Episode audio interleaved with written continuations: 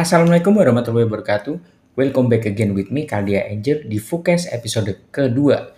And today, I wanna talk about bioskop.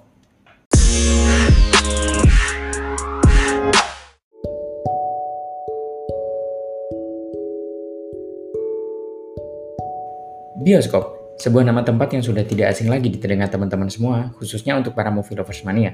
Sebelum gua menuju ke pembahasan utama, mari kita sama-sama menilik ke belakang tentang sejarah bioskop di Indonesia. Oke, dan setelah tadi gua melakukan beberapa riset, kita bisa rangkum mengenai perkembangan bioskop di Indonesia sebagai berikut. Diawali pada tahun 1900, tepatnya pada tanggal 15 Desember 1900, Bioskop diperkenalkan pertama kali di Indonesia, berlokasi di daerah Tanah Abang, Batavia dengan nama Gambar Hidup, yang pada saat itu menayangkan berbagai film bisu.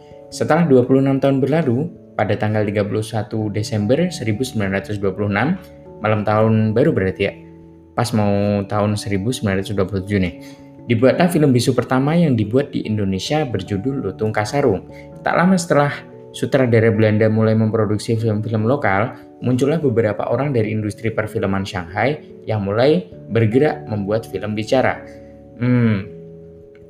Jadi tadi awalnya film bisu, kemudian film bicara nih teman-teman. Buat yang belum tahu nih, gue ambil referensi dari Wikipedia ya.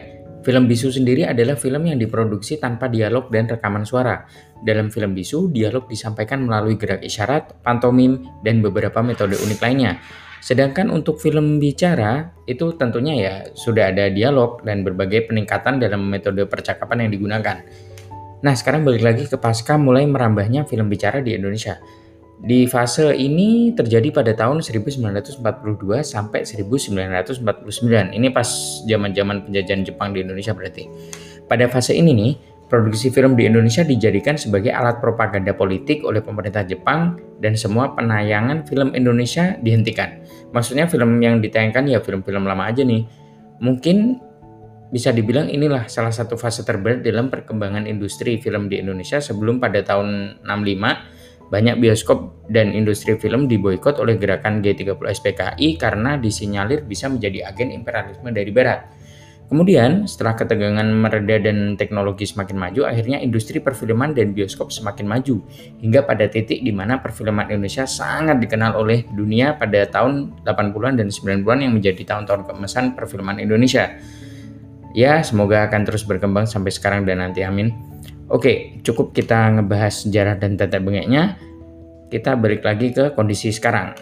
Nah, tidak dipungkiri pandemik yang sudah berlangsung hampir setengah tahun di Indonesia ini bisa dikatakan sangat memberatkan pihak bioskop. Terkait perizinan dalam penayangan film, protokol keamanan yang belum bisa dijamin 100%, post-traumatik terhadap keramaian dari para penonton, dan masih banyak lagi masalah yang lainnya. Kemarin gue udah buka diskusi ya teman-teman yang ngebahas soal bioskop di fase pandemik ini.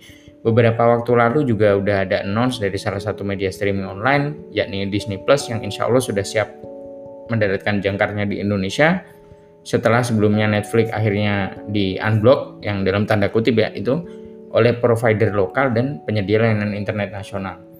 Di luar dua contoh yang gue sebutin tadi, masih banyak media streaming online lain yang menyuguhkan sajian yang yang amat menarik untuk disimak. Terlebih ketika kita harus menghabiskan sebagian besar waktu kita di rumah aja, Layanan-layanan tersebut seperti sedang jor-joran untuk mendapatkan porsi perhatian yang tinggi dari para konsumen film di Indonesia.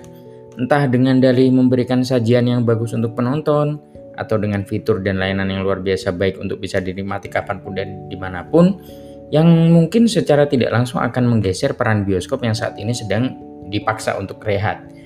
Ya, setuju atau tidak setuju teman-teman harus diakui, untuk saat sekarang ini media digital memang menawarkan solusi terbaik untuk kita semua tanpa mengurangi rasa hormat dan diiringi dengan doa, semoga pandemi ini akan dapat segera usai dan sekali lagi kita bisa menikmati serunya nonton film di bioskop, merasakan ambience dalam studio yang sudah sangat kita rindukan, serta ngemilin popcorn legit yang selalu menjadi teman ketika kita asyik menikmati film di layar berukuran raksasa tersebut. Alright, that's all from me. Gua pamit undur diri and see you on the next episode. Assalamualaikum warahmatullahi wabarakatuh.